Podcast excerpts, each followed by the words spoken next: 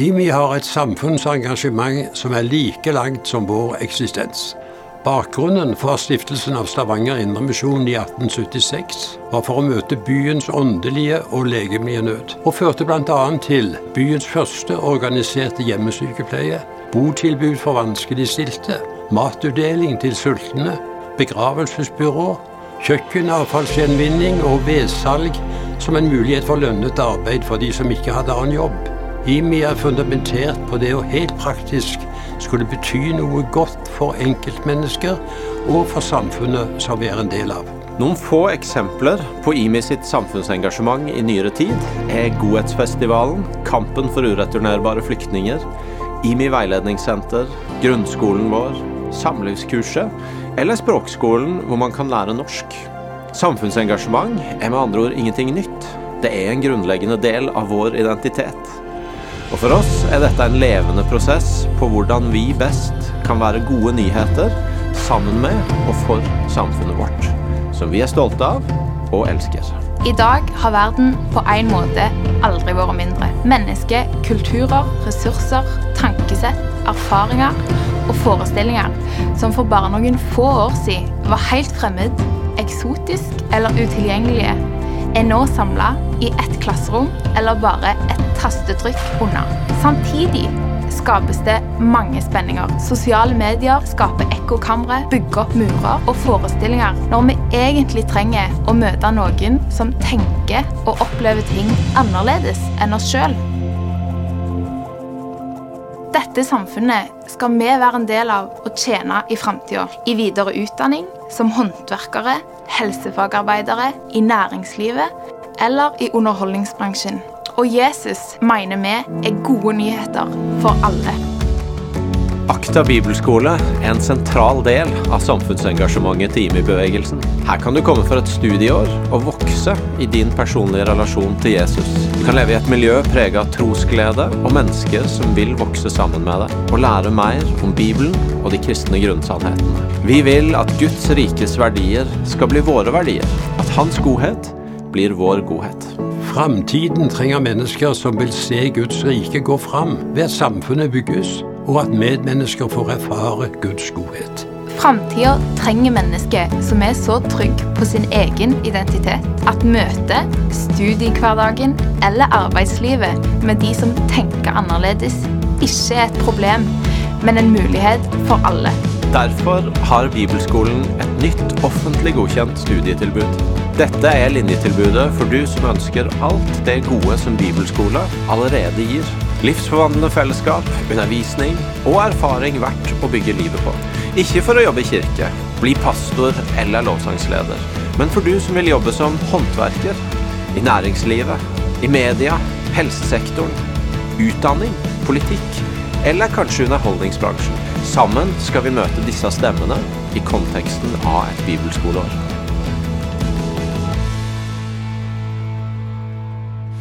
Yes, Det var Akta samfunnsbygger. Noen av dere var her forrige søndag kveld eller har hørt det på andre måter. Men det har vært litt sånn fest og feire-modus for oss den siste halvannen uka. Fordi eh, dette tilbudet som er fortalt om her, Eh, rektor Thomas og teamet har gjort en kjempejobb med å ivareta visjonen bak Akta samfunnsbygger, og samtidig lage en uh, søknad som uh, var god nok til at uh, Utdanningsdirektoratet kunne godta den. Og Sist onsdag så kom godkjenninga, og vi har, vi har, mulighet til å gå ut og tilby Akta samfunnsbygger. Og Kanskje var du her sist, men bli med på én feiring til. Vi må klappe for at Akta samfunnsbygger har blitt virkelig. Yes.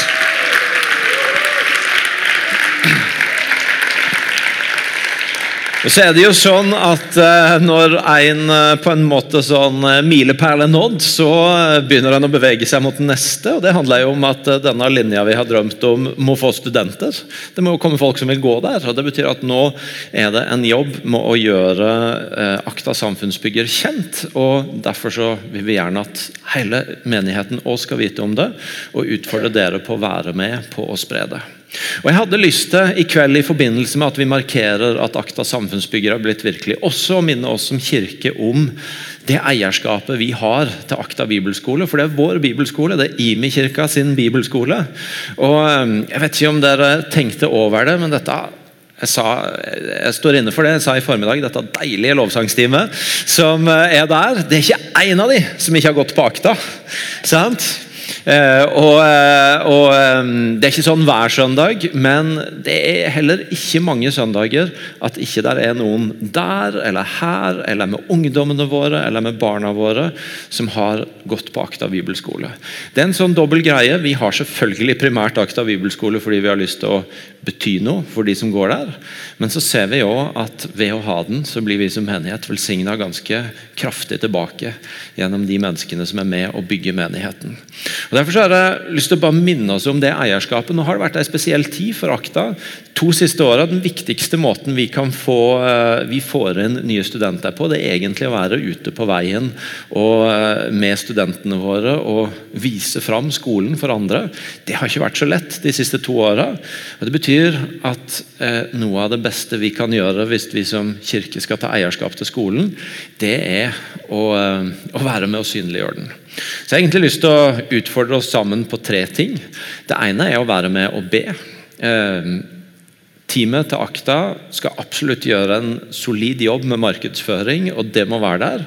Og så vet vi samtidig fra hvert år når et nytt kull kommer og en sitter ned og hører hvordan havna du på Akta, at de veiene inn til skolen de er noen ganger ganske eh, finurlige og ganske tydelige at her har Gud en finger med i spillet. Her er det ikke bare markedsføring, men her handler det om tråder og relasjoner og ting som har skjedd, som gjør at oi, her var Gud en del av ligninga. Og Det betyr at det å som igjen, Teamet skal gjøre en jobb på markedsføring, men at vi som kirke kan være med å be om at Gud må sende studenter. Eh, det er en av måtene vi kan være med å ta eierskap på. Og så har jeg også lyst til å utfordre oss på å snakke om skolen. Videoen som du så her, den ligger tilgjengelig på både IMI og Akta sin eh, Insta- og Facebook-profil. Hvis du kunne tenke deg å dele den, eller kanskje kjenner du noen som du tenker skolen kunne være aktuell for. Ikke bare samfunnsbygger, men lovsang, profeti, disippel.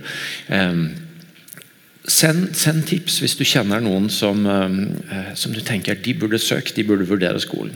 Og Det tredje jeg har lyst til å si, det er vær med å framsnakke et år på bibelskole generelt. Ehm, det er så mange historier om hvordan et år på bibelskole har lagt et fundament for resten av livet. Og så opplever vi at til og med en del kristne foreldre problematiserer for sine unge om det er, skal de nå virkelig bruke et år på bibelskole. Bør de ikke komme i gang med utdanninga? Bør de ikke i hvert fall gå på noe som gir litt mer poeng og sånne ting? Um, og Det er ganske tankevekkende. og jeg tenker Vi må være med å framsnakke at et år på bibelskole kan ikke bare måles i poeng og formell kompetanse, men det handler om det fundamentet som blir lagt for resten av det livet som ligger foran. Så bønn, spre skolen og snakk bra om bibelskole, enten det nå er her eller der. Det er det jeg har lyst til å i kveld utfordre oss som kirke til å ta et eierskap til i forhold til akta. Kan vi være med på det? Ja, veldig bra. Så skal jeg òg hilse fra Dag og si at ved siden av det fantastiske torget der ute, så har han bokutsalget åpent etterpå. Eh, 2. mars så er det det som vi kaller fra gammelt av for askeonsdag. Det betyr at da begynner eh, fastetiden inn mot påske. Og I mars så skal vi ha vår årlige bønn- og fasteuke. Men vi oppmuntrer også gjerne til å gjøre noe ekstra ut av hele den fastetida. Den sånn forberedelsestida inn mot påska, hvor vi skal gå inn i å være nær både at Jesus lei og død, døde, men også at han sto opp igjen. Og Det vi har gjort i år, er at vi har eh, pekt på ei bok som eh, vi har fått inn i bokutsalget, og som vi kommer til å anbefale å si la oss prøve å lese den sammen i fastetida. Det er en som heter Jostein Ørum, som har skrevet en bok som heter 'De som så han'. Det er 40 enkle, men utrolig flotte stykker som følger Jesus og mange av folka rundt han på veien mot korset og mot den tomme grava. Så ute i, um, ute i bokkiosken etterpå. Da er det tid for å fortsette det temaet som Andrea begynte på forrige uke, og som Kjartan har introdusert. Abba, far. Vi skal bruke noen uker på å snakke om at Gud er vår far, og at han elsker oss. For noen uker tilbake så satt jeg en kveld og så på TV. Jeg så på TV 2 sin uh, nye dokumentar 'Katastrofen Kielland'. Um, jeg kommer ikke fra regionen her. og Kielland-ulykken Det er godt å fortsatt ha noen ting som jeg kan si jeg var for ung til å helt få det med meg. Det blir stadig færre av de, men jeg, jeg fikk ikke liksom det med meg i, i nyhetsbildet. Men jeg har skjønt at det er en hendelse som uh, har satt et avtrykk i regionen her, og for så vidt i hele landet. Det var spennende å på en måte få komme inn og få mer forhold til eh, den historien. Og Så satt jeg der og så på den andre episoden som hadde som tittel 'Fedrene som forsvant'. Eh, og hvor Noe av det som blir synliggjort, er denne erfaringen av disse fedrene som aldri kom hjem fra jobb igjen. I programmet så møter en bl.a. en som heter Terje. Eh, og Han Å oh ja, der ja! Liksom. Ikke Terje Høiland, for han uh, Ja. Anyway, vi møter en som heter Terje, og han forteller Han var en av de som opplevde at pappa ikke kom hjem igjen. Han forteller om hvordan han og mor de fulgte far til Flåttmyr stasjon i Haugesund. og de uh, han husker at de stoppa på veien, og faren kjøpte Kinderegg til han. og Det er liksom et av de siste minnene han har av far. og Så sier de ha det, og så kommer faren aldri hjem igjen. Og så er Noe av det han forteller om hvordan han på en måte i savnet har lett etter spor av sin egen far. og Vi skal få se et lite glimt av det her. Og min far. Der sitter min far.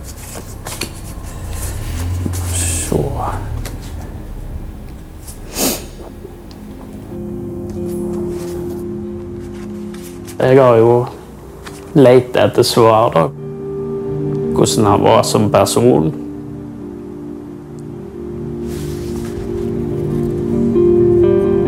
Det er jo gifteringen til min far. Den fikk jeg av mamma. Jeg husker når jeg fikk ringen, så var det alltid rødvann på fingrene. Om de hadde like store never som faren min. Så i dag så har jeg faktisk litt større never. Men han var jo 33 år den gang.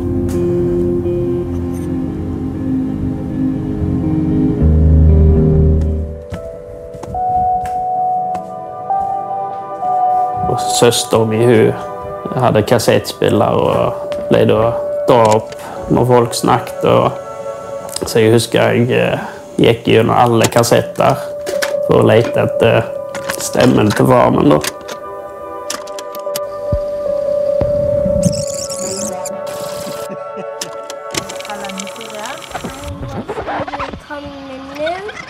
Det var ikke mange minuttene, men jeg hørte far min snakke.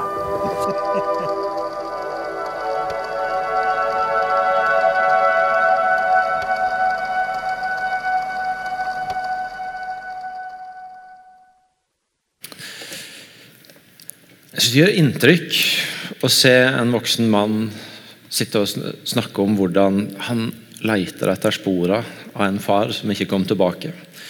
Hvordan han jakter etter det å få høre stemmen hans. Og Det gir et glimt av hvor, eh, hvor betydningsfull eh, en far, og for den del en mors plass i livet er.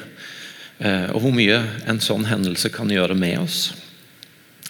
Og Så fikk det møtet og det inntrykket det gjorde meg til å gå videre til å tenke på dette med at, at, vi snakker om Gud som vår far. At det er en ganske stor og grunnleggende ting i vår tro.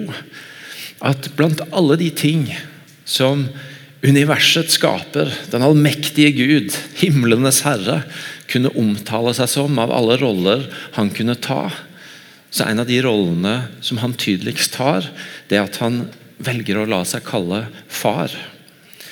Jesus er jo den som tydeligere, som, som, på en måte er linsa vår inn til å se hvem Gud er. Jesus sier det om seg sjøl. Ingen har sett far, men jeg viser hvem han er. Så Det er Jesus som blir vår linse til å se hvem, hvem er denne Gud. Og Noe av det vi ser så tydelig, det er at når, når Jesus relaterer til Gud, så er det veldig ofte far han snakker til. Og når Jesus skal lære oss å be, så lærer han oss å be vår far. Og når Jesus underviser om Gud, så snakker han veldig ofte om far i himmelen. Og Hvis du er i tvil mange, han, eh, Veldig ofte så bruker han ikke bare far, men han bruker det enda nærere, mer intime, om du vil. Abba. Pappa. Gud som far. Jesus som modellerer det som et av de mest sånn grunnleggende bildene vi skal få ha av Gud. At han ønsker å være vår far. Jeg har fortalt noen ganger i dette rommet før, men når jeg for 15 år siden var ny i IMI, så var noe av det første som møtte meg, det var en sånn konferanse med noen gjester fra Toronto. Catch the Fire. og det var det var en uke med mye undervisning om det med Gud som far, og om hvor vi fant det i Bibelen, om hva det betydde. Det var også en uke med ganske mye lyd og støy. Det var latter, og det var gråt, og det var snørr, og det var tårer, og det var risting. og Det var mange ting som var langt utafor boksen for en bedehusgutt fra Tvedestrand. Eh, som kom fra en, også en annen setting i Oslo, hvor jeg overhodet ikke var vant til sånt. Men det som gjorde inntrykk på meg, grunnen til at jeg nevner det igjen i dag, det var at i ukene og månedene som kom, når vitnesbyrda begynte å komme om det som hadde skjedd, så var nettopp veldig mange av historiene om at folk hadde hatt et dypt møte med Gud som far. Eller kanskje enda mer beskrivende med Gud som pappa. Og Det var bakgrunnen for at det ble lyd. Det var ikke sånn at det at det var latter og gråt og snørr og tårer primært handla om en eller annen sånn åndelig overivrighet eller 'nå skal vi hellig Ånd-feste' eller et eller annet. Men, men, det var rett og slett møtet på dypet som gjorde at det blei litt lyd av det. Det blei litt reaksjoner på det fordi det berørte så dypt. Når en fikk dette grunnleggende møtet med Gud som pappa. Og Det er fascinerende å nå mange år seinere kunne snakke med folk som jeg husker jeg snakka med da. Og forstå at det å få et sånt møte med Gud som pappa, det betydde en forskjell i livet etterpå. Det har gjort noe med fundamentet som gjør at noe ser annerledes ut. For oss i IMI så har det med at Gud er vår far. Guds farskjærlighet, det at vi kan få ha en sånn tilnærming til Han, det er noe som, som har kommet opp ved flere anledninger og i flere epoker. Det er noe som, som, på en måte ligger i fundamentet vårt som noe som det er en viktig del av hvordan vi forstår Gud. Og det vi har lyst til å invitere hverandre inn til å leve i, og som Kjartan var inne på Når vi er ute og, og får gi videre andre steder, enten det er i Norge eller i Asia eller andre steder, så er, så er noe av det som vi ser at berører folk, det er det at en får lov til å få et møte med Gud som pappa. Med Guds farskjærlighet. Og Det er det vi også har lyst til å invitere hverandre inn i disse ukene. Vi opplever at Gud løfter det opp igjen, og at nå er det en tid for å på en måte sammen stoppe opp for igjen og søke inn i at Gud vil være vår far. Han vil elske oss som en far, og han vil la oss ikke bare få kunnskap om det, men erfaring på at han vil være vår far. Og så er jo det på mange måter et veldig enkelt budskap, et barnlig budskap. Og Samtidig så er det som Impuls har en sang eh, som, som, begynner med 'Jeg har en far, en far ulik alle andre'. Og hvor noe av refrenget går så gjennomtrengende, så livsforvandlende. At Selv om på mange måter dette kan virke enkelt, så er det kraft i det å lære Gud å kjenne som pappa. Og hans farskjærlighet, som er kraft i det, til å forvandle liv. Til, å, til, til, at noe blir annerledes derfra og ut, når det får plante seg i oss. Jeg har lyst til å i kveld bare peke på tre enkle ting som hvis du har vært borti dette før, neppe er nye, men som jeg håper du kan ta med deg inn i en prosess i, i den uka som kommer, på Gud. Vis meg hva det vil si at du er min pappa. Og Det første det begynner med Romerne 8, vers 14-16. Der skriver Paulus alle som drives av Guds ånd, er Guds barn. Dere har ikke fått den ånden som slavene har, så dere igjen skulle være redde. Nei, dere har fått ånden som gir rett til å være Guds barn. Den som gjør at vi roper Abba, far. Ånden selv vitner sammen med vår ånd om at vi er Guds barn. Paulus sier her at noe av det Den hellige ånd gjør i oss, det er at ånden hjelper oss til å forstå at vi er Guds barn. Den vitner sammen med vår ånd om at vi er Guds barn, og den hjelper oss til å henvende oss til Gud som pappa, til å rope 'Abba, far'. Og Det sier kanskje også noe om at selv om budskapet er enkelt i seg sjøl Det er ikke et veldig komplisert, avansert budskap å beskrive Gud som far. Men allikevel så er det ikke sikkert at det er så enkelt for oss å få tak på det. Paulus sier at vi trenger Den hellige ånds hjelp vi, for å faktisk komme til rette med. Vi trenger at Den hellige ånd vitner sammen med vår ånd for å komme til rette med at vi er Guds barn.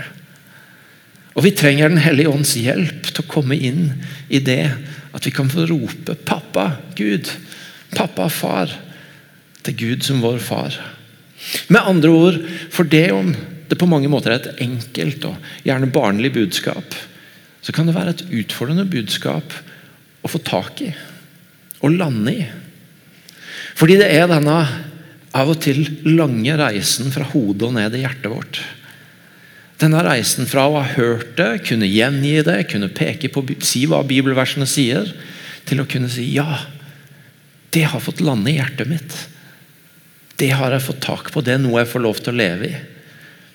Vi snakka om det senest i Huskirka en del av på onsdag. Ja, jeg har jo hørt dette før, jeg vet jo hva det handler om, men jeg, men jeg merker at jeg er underveis i å få det ned i hjertet mitt.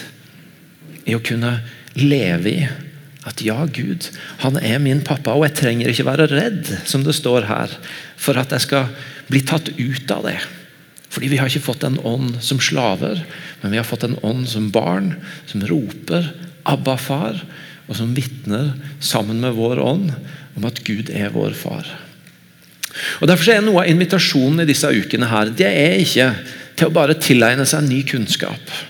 Til å få vite litt mer om hvem, hva Bibelen sier om hvem Gud er som far. For all del, hør meg rett. Vi tror at plattformen inne i erfaringen det er å vite hva Guds ord sier. Så, så les orda om hva Bibelen sier om Gud som far. Hør undervisninga, ta det til deg. Men pass på at du ikke stopper der, men at du gir rom for å få erfare at Gud er din pappa, og at han elsker deg. Gi rom for å bli værende i det. For noen så er det kanskje lett fordi du har litt erfaring fra før. For andre så er det mer utfordrende. Noen av dere syns det er kleint bare at jeg har stått her og flere ganger allerede sagt 'pappa' om Gud. Jeg er ikke vant til å bruke det språket. Og Da handler det litt om å ikke bare høre orda, ikke bare lese versa, men å finne en måte å stoppe opp og legge til rette for at Gud kan få gi deg et møte, gi deg en erfaring. Det kan skje her på gudstjenesten når vi lovsynger sammen, når vi ber sammen. Du kan få gå til forbønn etterpå og si vet du noe, dette kommer jeg ikke til rette med. Kan du be for meg? Men det er også noe du kan få ta med deg inn i hverdagen din. Og, og passe på at du gir plass for det der. Det kan skje på forskjellige måter. En måte som vi ofte har opplevd at kan funke bra, det er å bruke litt tid på å bare sitte i lovsang, i sanger som formidler at Gud er en far som elsker deg, og bare sitte i det og lande i det. Og Derfor er noe av det vi har gjort, vi har laget ei spilleliste på Spotify. Du kan ta telefonen din opp og fange inn den QR-koden. og Så kan du gå inn og trykke 'liker' på den eh, spillelista. Eh, eller du kan søke opp Jimmy Kirken på Spotify. Og så er det en drahjelp, en halvannen time med sanger som handler om at Gud er vår far. Som du kan få bruke hvis du vil, til å bare sitte i dette at å, jeg vil bare lande i at Gud er min far, og han elsker meg. Så kan det hende jeg har med litt drahjelp av Facebook-panelet mitt Lag den lista. Det kan hende at du liker helt andre sanger enn meg, og da lager du din egen liste. Det kan også hende at du ikke er så glad i å sitte og høre på ting, men heller vil ut og gå en tur. Snakke med han. Si Gud, hvis du er min pappa, vis det til meg. La meg få, la meg få forstå det, få erfare det, få komme videre i det. Um, for noen år tilbake så hadde jeg en krevende fase i mitt liv. og Noe av det som hjalp meg til å holde fast i at Gud var min pappa også i det jeg sto i, det var rett og slett bare å ha denne setninga 'er din far', som jeg brukte i mange forskjellige settinger. Jeg brukte det når jeg prøvde å være stille og be, og alle tankene og tankekjøret kom. Så i stedet for å kjempe mot det, så var responsen min 'er din pappa'. Og når jeg var på en måte på vei imellom noe. Jeg kjente bare at jeg spant og spant på hva skal jeg gjøre med det og det, og hvordan skal jeg løse det. Ja, Men det er din far. Og Så brukte jeg bare den enkle setninga som en måte å holde meg fast i. At han er min far. Det jeg forsøker å si, er La disse ukene bli ei tid for å søke etter å komme dypere, ikke bare i kunnskap, men i kjennskap, i erfaring. Andreas sa det nydelig sist. Gud vil ha en ekte relasjon med oss. Han vil ikke bare være en avstandspappa, men han vil komme nær oss. Det andre jeg har lyst til å si noe om i kveld, det er dette med våre fedre og vår far. Fordi det er utrolig vanskelig å nærme seg dette uten at det på et eller annet vis kommer i kontakt med at vi har våre bilder av fedre og far, og for den del foreldre, med oss. Og det er med på å prege hvordan vi nærmer oss dette.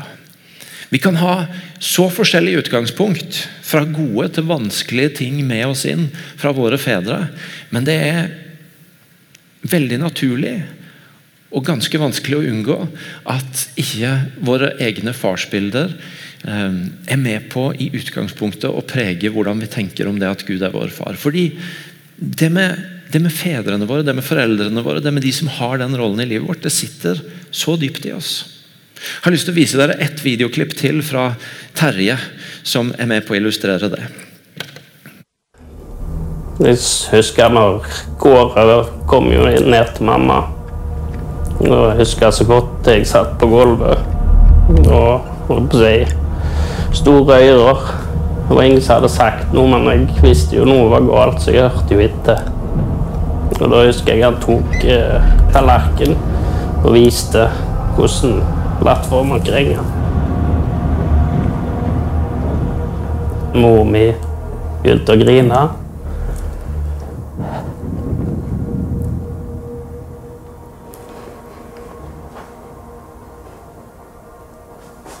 Nei,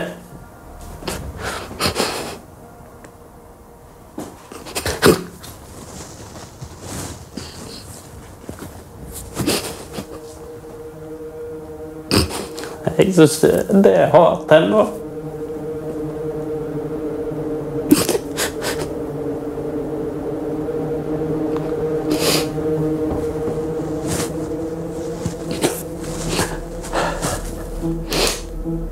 Nei, det Nei, jeg syns det er hardt ennå fordi Det har liksom aldri vært snakket om det.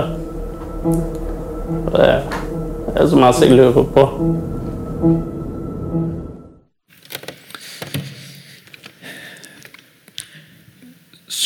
flere tiår etterpå, så sier han jeg syns det er hardt ennå. Det er så mye jeg lurer på.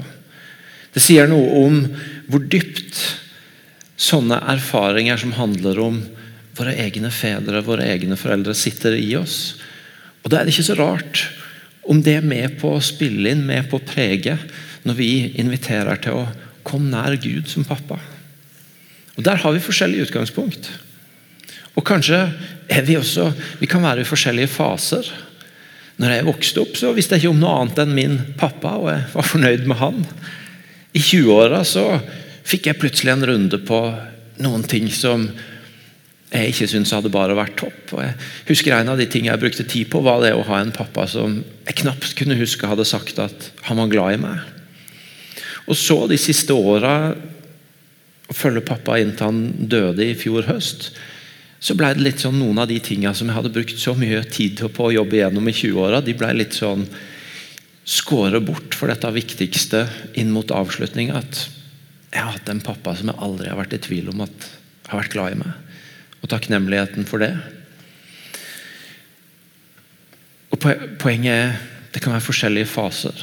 Og så er vi her med veldig forskjellig utgangspunkt. Noen av dere sitter med gode, takknemlige ting.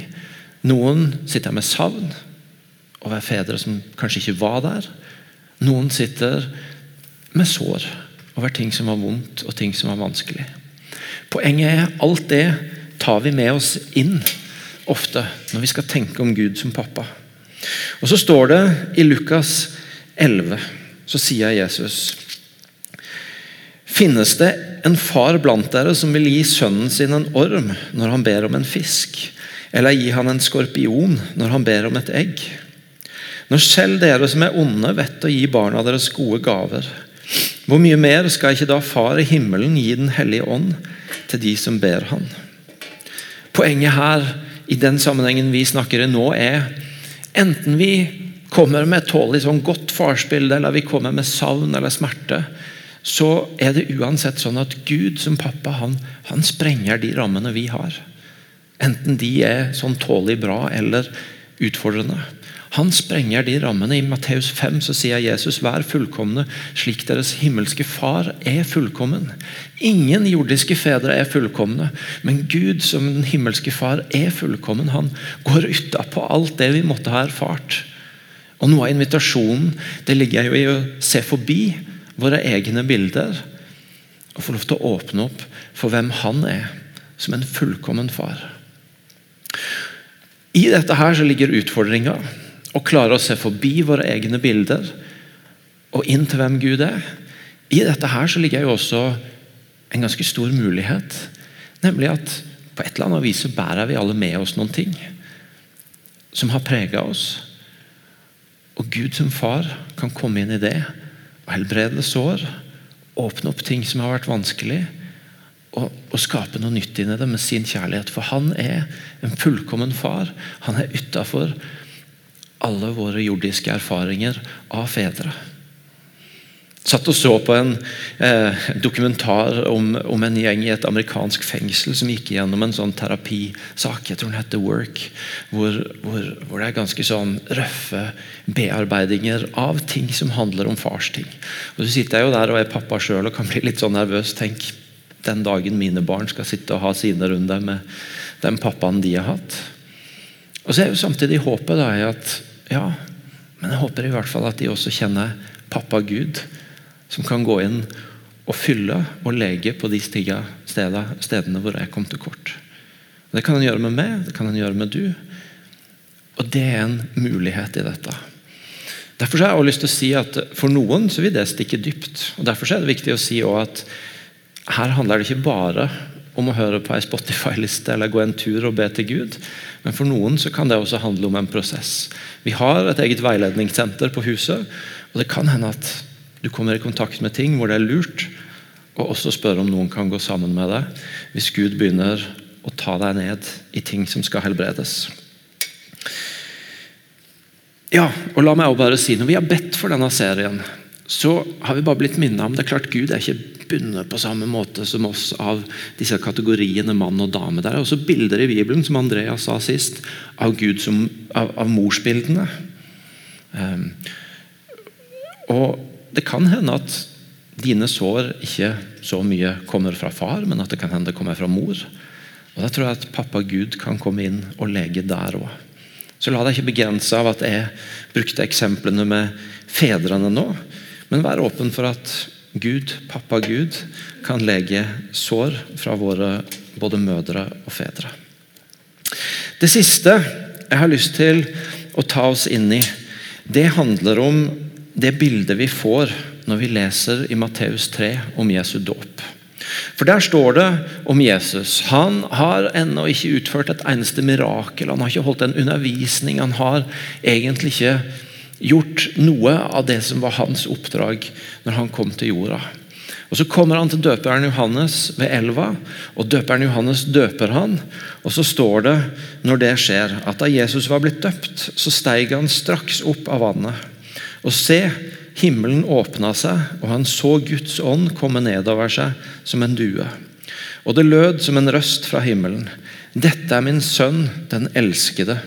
I ham har jeg min glede. Dette er min sønn, den elskede. I ham har jeg min glede. Før Jesus har utretta noe som helst, så er fars stemme over han. Dette er min sønn, den elskede. I han har jeg min glede. Guds farskjærlighet for meg og for du, det er at før du har gjort noe som helst for å imponere han, eller for å gjøre inntrykk på han, eller for å få en eller annen belønning fra han, så er hans stemme over mitt og ditt liv. Du er min sønn eller min datter, den elskede. I du har jeg min glede. Og Det er noe i dette her med Gud som far som minner oss om at det er ikke alltid Jeg vet ikke hvordan det er med dere, men jeg som type er skrudd sammen sånn at jeg jager ofte hva er det neste jeg skal gjøre. Hva, eller hva er, hva er svaret? Hva er veien jeg skal gå ut av en eller annen utfordring jeg står i? Også i livet mitt med Jesus. Jesus, hva er det neste du leder meg til? Hva er det neste jeg kan gjøre for du? Hva, hva, hva er din stemme inn i den utfordringen jeg står i nå? Hvordan, hvordan vil du ta meg videre ut av den? Og så er det noe med at det er ikke alltid at det viktigste i livet vårt er å få et svar på hva vi skal gjøre. Men det å få, få en, en, erfaring av hvem vi er. Få en trygghet på hvem vi er. At vi er elska, at vi er verdsatt, at vi er sett.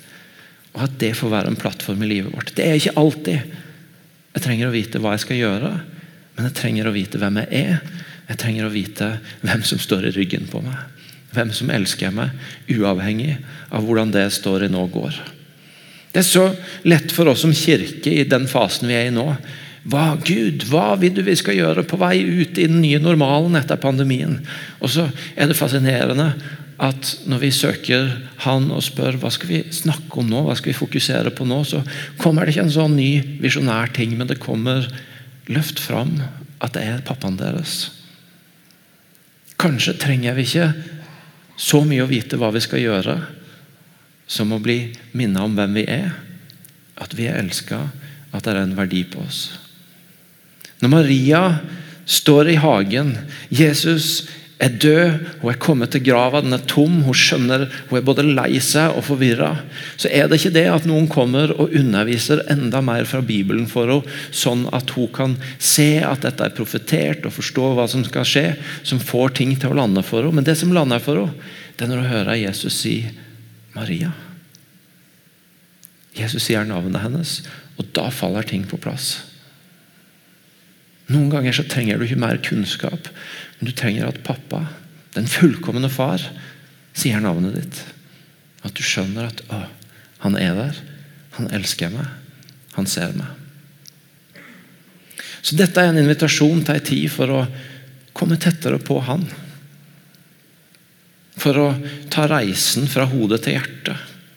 For å la han kanskje pirke borti ting i livet ditt på innsida som trenger legedom, helbredelse. Og for å bli minna om hvem du er, og hvilken verdi du har. Fordi du har en pappa i himmelen. Og så tror vi at dette er en prosess. og Vi har snakka om lovsanger og gi rom for erfaring. Det handler også noe om å gå og reflektere og snakke med andre. Så Vi har tre spørsmål som du kan tenke på sjøl, som du kan ta med deg rundt inn i huskirka, rundt kjøkkenbordet med familien, eller hvor det måtte være. Og Det første er hvordan vil du beskrive Gud som far? Der du er nå, i ditt bilde av Gud som far. Hvordan, hvordan vil du beskrive han?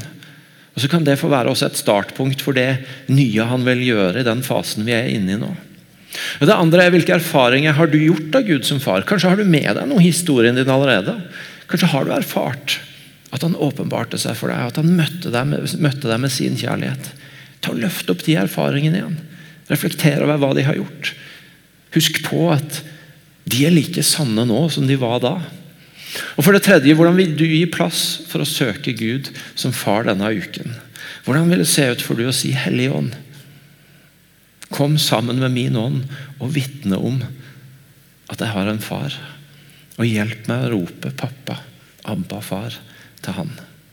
Skal vi reise oss opp og be sammen?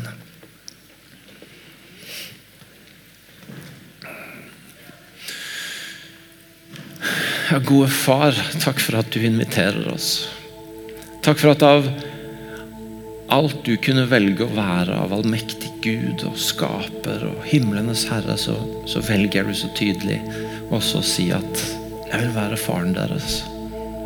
Fullkommen far, men fullkommen kjærlighet.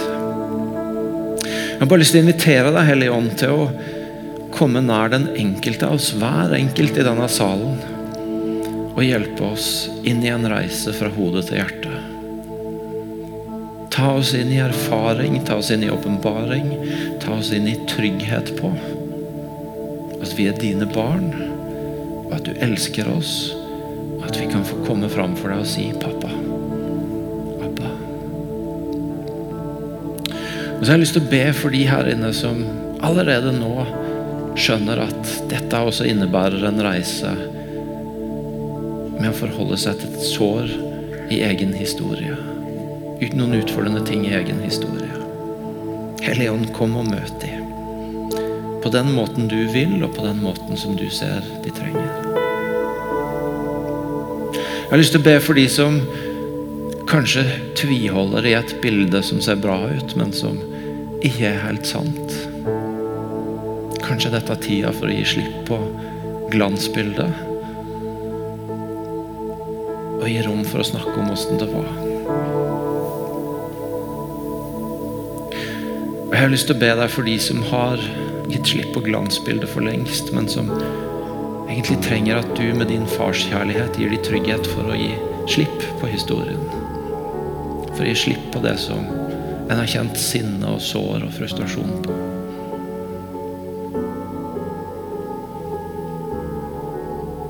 Kom også Hellige Ånd og, gi trygghet og frimodighet på å si jeg, er ferdig med det nå. Nå har jeg funnet, funnet min trygghet hos pappa Gud.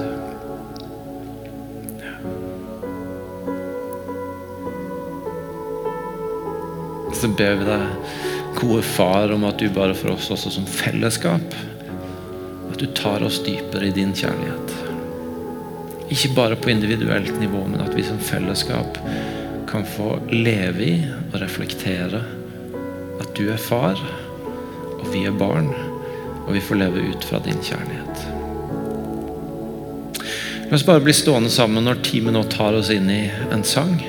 Syng med hvis du vil, men også hvis du bare vil være i dette. Si Hellig Ånd, fortsett å ta meg inn i dette. Så kan du bare stå og la deg bli sunget over.